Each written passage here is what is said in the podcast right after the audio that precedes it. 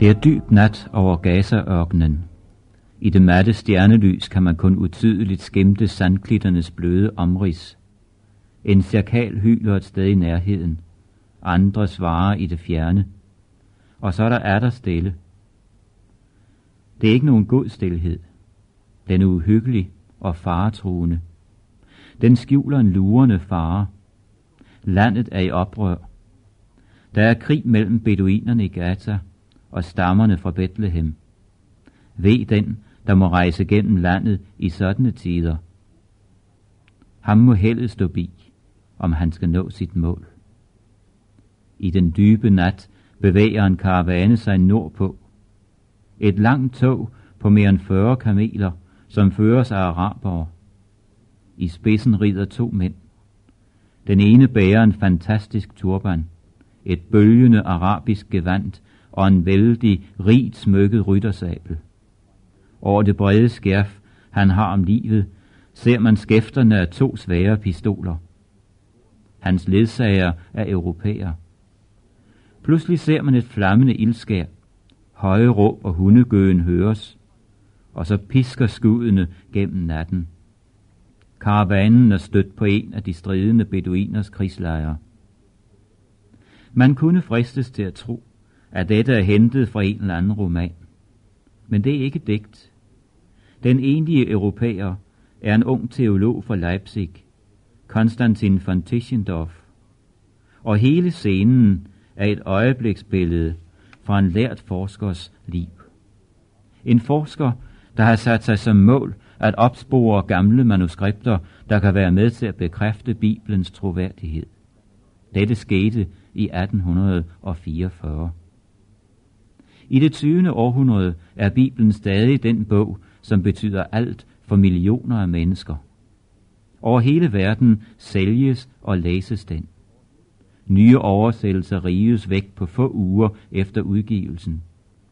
Med et samlet oplag på over 1 milliard er den endnu i dag den mest læste og til flest sprog oversatte bog i verden. Mennesker har offret formuer for at eje den. På Christian den andens tid kostede en bibel lige så meget som en ko. I dag kan den købes for en halv dagløn. Bibelen er, som David udtrykker det, blevet en lampe for min fod, et lys på min sti. Bibelen er Guds bog. Den gør krav på at være en autoritet i åndelige spørgsmål, men har også mange henvisninger til historiske og videnskabelige sandheder. I mange tilfælde var Bibelen langt forud for sin tid. Derfor er den til tider blevet anklaget for at være urigtig. Men om og om igen har forskningen bekræftet, at Bibelen havde alligevel ret. Og det kan vel være for os godt stadig at efterkomme Pauli opfordring til den unge Timotius i 1. Timotius' brev kapitel 6 og vers 20. Vend dig bort fra den vandhellige tomme snak og indvendingerne fra den erkendelse, der med urette kaldes således. Nu og der møder man spørgsmålet, stemmer Bibelen overens med videnskaben? Og det kan være rigtigt, både når man svarer ja, og når man svarer nej. Det afhænger af, hvad vi mener med videnskab. Hvis det blot drejer sig om menneskers teorier, bliver svaret negativt. Menneskers teorier er nemlig lige så ufuldkommende som mennesker selv, og de skifter stadig. Tænk for eksempel på, at i mange år hævdede kritikere, at fordi skrivekunsten først blev udviklet mange år efter Mosetid, kunne Moses ikke have skrevet de fem Mosebøger. Jesus havde ikke desto mindre udtalt, at Moses skrev de forskellige påbud, ifølge Markus 10, 4 og 5. Var Jesus der uvidende? Nej. De 81 til al Amarna-tavler, der findes på Britisk Museum, beskrevet med kunæeform skrift, stammer fra Moses og fra Josfas tid. Og samme sted opbevares inskriptioner indeholdende Hammurabis love. Kongen, øh, der kan have været en af Abrahams samtidige. De sidste ti år har afsløret hele biblioteker, der daterer sig tilbage til Mosetid og tidligere. Jesus havde ret. David havde ret, når han udtrykker, summen af dit ord er sandhed, og alt dit retfærdige lovbud varer evigt. Salme 119, 160. Man har forsøgt at udrydde Bibelen. På den franske revolutionstid ville man brænde alle bibler. Valdenserne måtte skjule Guds ord for ikke at blive frarøvet det. Men trods kætterbål og tortur voksede de troende skare, som erklærede, at Bibelen er den eneste ufejlbarlige myndighed i trosager. Og Bibelen er stadig verdens bestseller nummer et. Det vil hjælpe os til at forstå Bibelen, hvis vi husker på, hvordan den blev til. Den blev ikke skrevet af et enkelt menneske gennem nogle få år. Den er i virkeligheden ikke en enkelt bog, men en samling af bøger. Selve dens titel, Bibelen, afslører, at det er et helt bibliotek. Det er 66 bøger, skrevet af 35 til 40 forskellige forfattere gennem en periode på 1600 år. Bibelens første og sidste forfattere har naturligvis aldrig hilst på hinanden. Og alligevel er Bibelen en bog i harmoni. Hvordan kan det gå til? Der kan kun gives et svar. Bibelens eget. Til aldrig er nogen profeti fremgået af et menneskes vilje, men drevet af Helligånden udtalte mennesker, hvad de fik fra Gud. Mange bidrog, men kun én planlagde. De mange var blot talerør for den guddommelige stemme. De mange forfattere repræsenterer noget vidt forskelligt i erfaring og baggrund. Moses var oplært i Ægypternes visdom og var leder af en af alle tiders første frihedsbevægelser.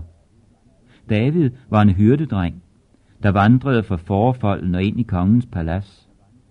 Matthæus var skatteopkræver, Lukas læge og Peter fisker. Og tænk så over, hvor Bibelen blev skrevet.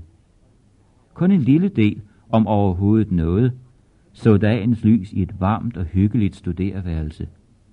En del af den blev skrevet i Sinai-ørkenen, andre dele i Jerusalem og noget i Babylon, mens jøderne var i fangenskab der. Flere bøger blev skrevet i en fængselscelle i Rom, og den aller sidste bog i Bibelen blev skrevet på øen Patmos i Middelhavet. Er det ikke mærkværdigt, at arbejdet fra så mange personligheder, levende fjernet fra hinanden i tid og rum, skulle kunne skabe den bedst kendte og den mest elskede bog i verden. Og alligevel siger mange, et sammentræf. Så kan man egentlig lige så godt tro på en eksplosion i et bogtrykkeri, med en bog som resultat af de sammenstykkede rester.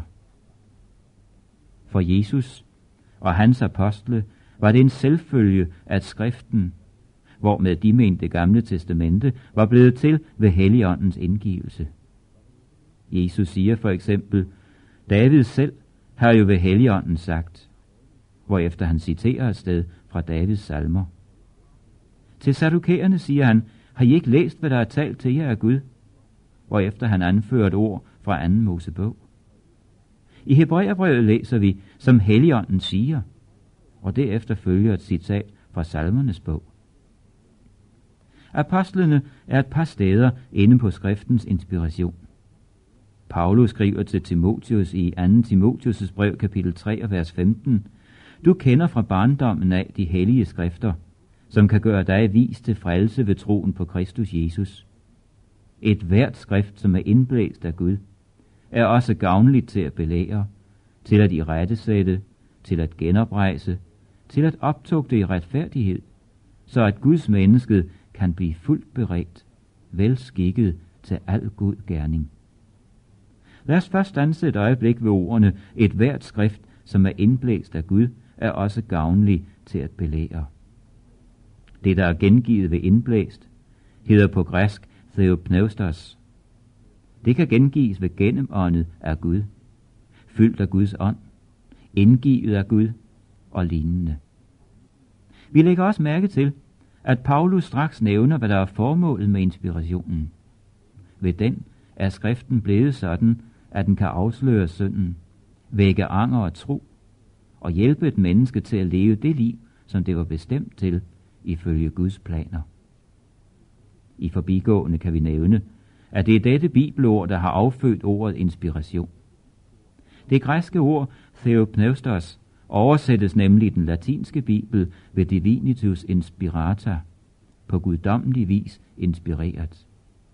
Ordet inspirerer er dannet af ordet spiritus, der betyder ånde. Også hos Peter findes et oplysende sted om inspirationen. 2. Peters brev 1.19 og de følgende vers. Og nu står det profetiske ord så meget fastere for os.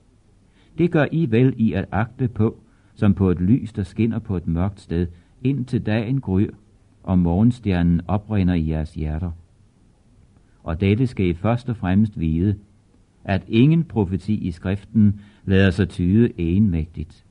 Til aldrig er nogen profeti fremgået af et menneskes vilje, men drevet af Helligånden udtalte mennesker, hvad de fik af Gud. Her siges altså, at profeternes budskab er blevet til ved, at mennesker, som dreves af Guds ånd, talte, hvad der blev givet dem af Gud. En anden vigtig ting siges også, at kan man ikke virkelig fatte, hvis man ikke selv ledes eller oplyses af Helligånden. Det er ikke nok med almindelig menneskelig erfaring og egen fornuft. Det guddommelige Guds ord kan altså ikke uden videre konstateres eller kontrolleres med den slags hjælpemidler, som et hvert menneske råder over, takket være sin fornuft. Man kommer til at tænke på, hvad Jesus sagde til Peter, da han havde bekendt, at hans mester var Messias, den levende Guds søn. Salig er du, Simon Jonas' søn. Til det har kød og blod ikke åbenbart dig, men min far, som er i himlene. Kød og blod betyder her omtrent det samme, som Peter udtrykte med ordene enmægtigt. Ved hjælp af almindelig jagttagelsesevne kunne man konstatere, at Jesus var en omvandrende profet, at han udførte gerninger, det var svært at forklare, og talte med magt og myndighed. Men at det var Gud, der virkede i ham, det kunne man ikke forstå, før man ved hans ord og gerning var kommet i forbindelse med Gud selv. Det er noget lignende med Guds ord. Vi vender tilbage hertil. De steder, vi her har citeret, gælder i hvert fald nærmest Gamle Testamente. Hvorfor man næsten selvfølgelig kom til at se på apostlenes budskab på samme måde og på deres skrifter. Det kan vi se et sted i Peters første brev. Der hedder det om profeterne. De har grundet over, når den tid ville komme, og hvordan den ville være, som Kristi ånd i dem viste frem til, når den forud vidnede om Kristi ledelser og al den herlighed, som skulle følge derefter. Og det blev dem åbenbart, at det ikke var sig selv, men jer, de tjente med dette, som nu er blevet jer forkyndt gennem dem, der bragte jer evangeliet ved Helligånden, som blev sendt fra himlen. Her siges altså, at det er ånden, der har talt ved profeterne. Men der tilføjes, at det er den samme ånd, sendt fra himlen, der har talt igennem dem. Kristus har udsendt til at prædike evangeliet. Kristus havde jo givet sine apostle den hellige ånd. Han havde lovet dem, at ånden skulle vejlede dem til hele sandheden. Ånden skulle minde dem om alt, hvad Kristus havde sagt. Han skulle forherlige Kristus.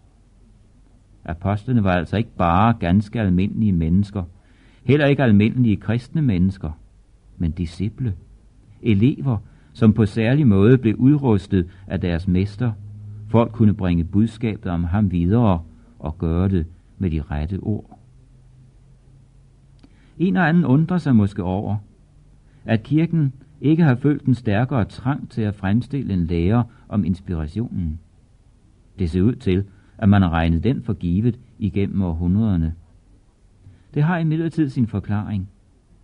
Der er i ordet en iboende autoritet, som har gjort sig gældende til alle tider. Den var der uden teorier af nogen art. Teorierne er kommet til efterhånden. Det er ordets myndighed, sådan som det faktisk gør sig gældende mellem os mennesker, der har affødt dem. Det er ikke os, der har gjort ordet til en autoritet. For Israel var det en erfaring århundreder igennem, at Guds ord var levende, fyldt med kraft. Gud greb ind med sit ord. Det var sendt af Gud til at oprykke og nedbryde, til at ødelægge og nedrive, til at opbygge og plante, ifølge profeten Jeremias.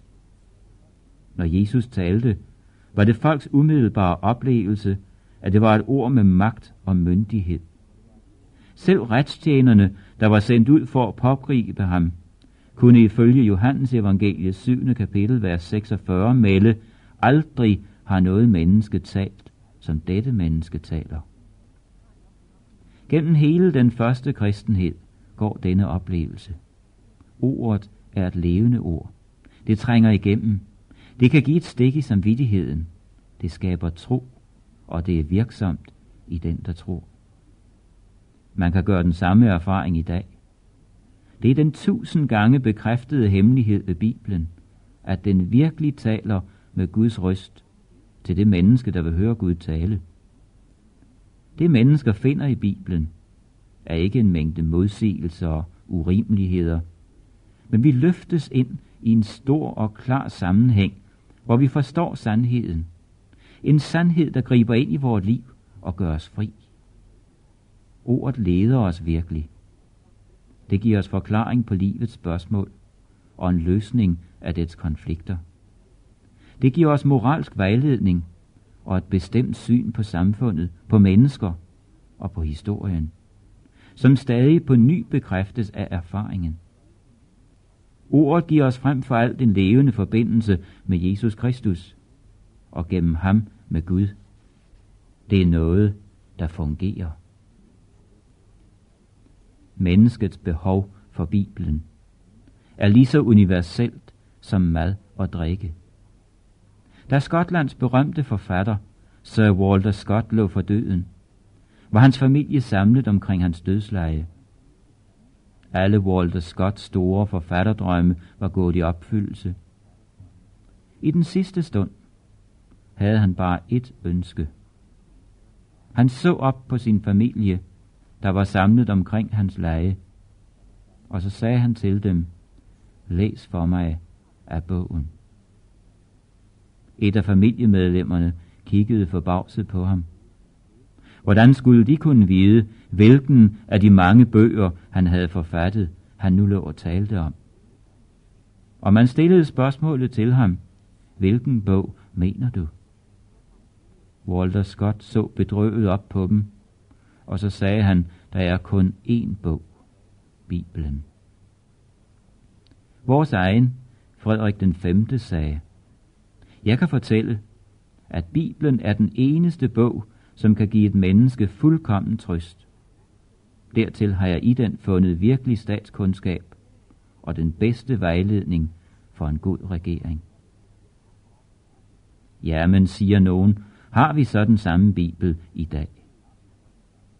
Den nu afdøde bibelforsker, Sir Frederick Kenyon, sagde, en kristen kan tage hele Bibelen i sin hånd og uden frygt eller tøven sige, at han her står med Guds sande ord, der uden væsentlige tab er overgivet os fra slægtled til slægtled gennem alle århundrederne. Fundet af dødehavsrullerne i 1947 har bekræftet dette, og de arkeologiske fund gør det stadig. Et godt eksempel på dette finder vi måske i hittiternes historie. Igennem tiderne var de folkeslagenes skræk. 48 gange nævner Bibelen hetitterne, deres omgang med Abraham, Salomo, David, Ægypten osv. Alle disse beretninger afslører et billede af dette folk, som er et af de store riger på den tid. Men ingen andre steder end i Bibelen var de omtalt. Det var naturligvis vand på kritikernes mølle. Et sådan folk havde aldrig eksisteret, sagde man. Alt imens de mange indskrifter ikke kunne tydes. Så fandt man Rosetta-stenen. De egyptiske indskrifter blev tydet. Ramses den andens historie blev kendt, og med ham alle hans fejder med hetitterne. Et mægtigt rige mod nord.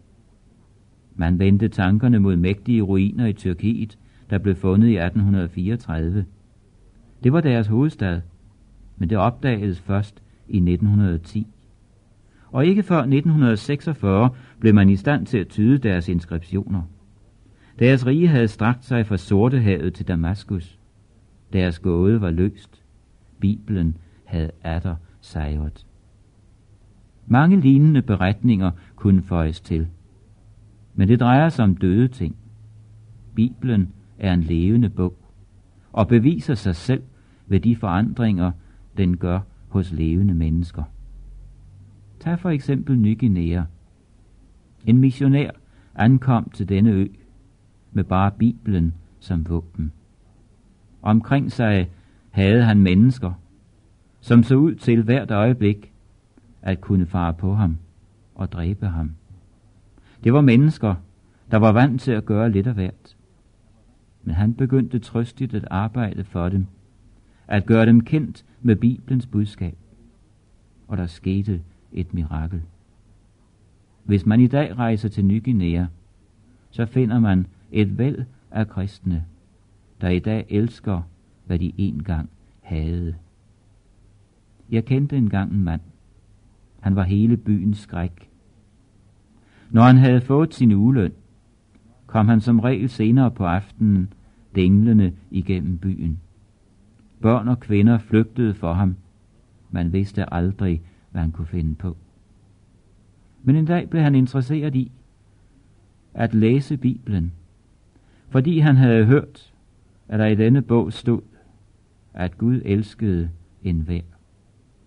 Elskede verden så meget, at han gav sin søn den enborgne, for at alle kunne frelses. Og han tænkte ved sig selv, hvis det er rigtigt, så må den bog have et yderligere budskab til mig. Han læste. Han blev påvirket. Han blev en kristen.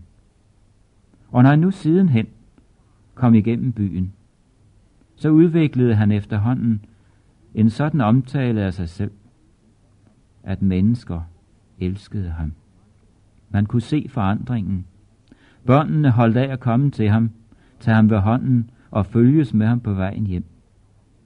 Han var byens venligste mand. Der var sket en forandring.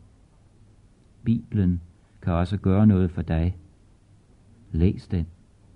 Det skylder du denne, vor vestlige kulturs mest indflydelsesrige bog.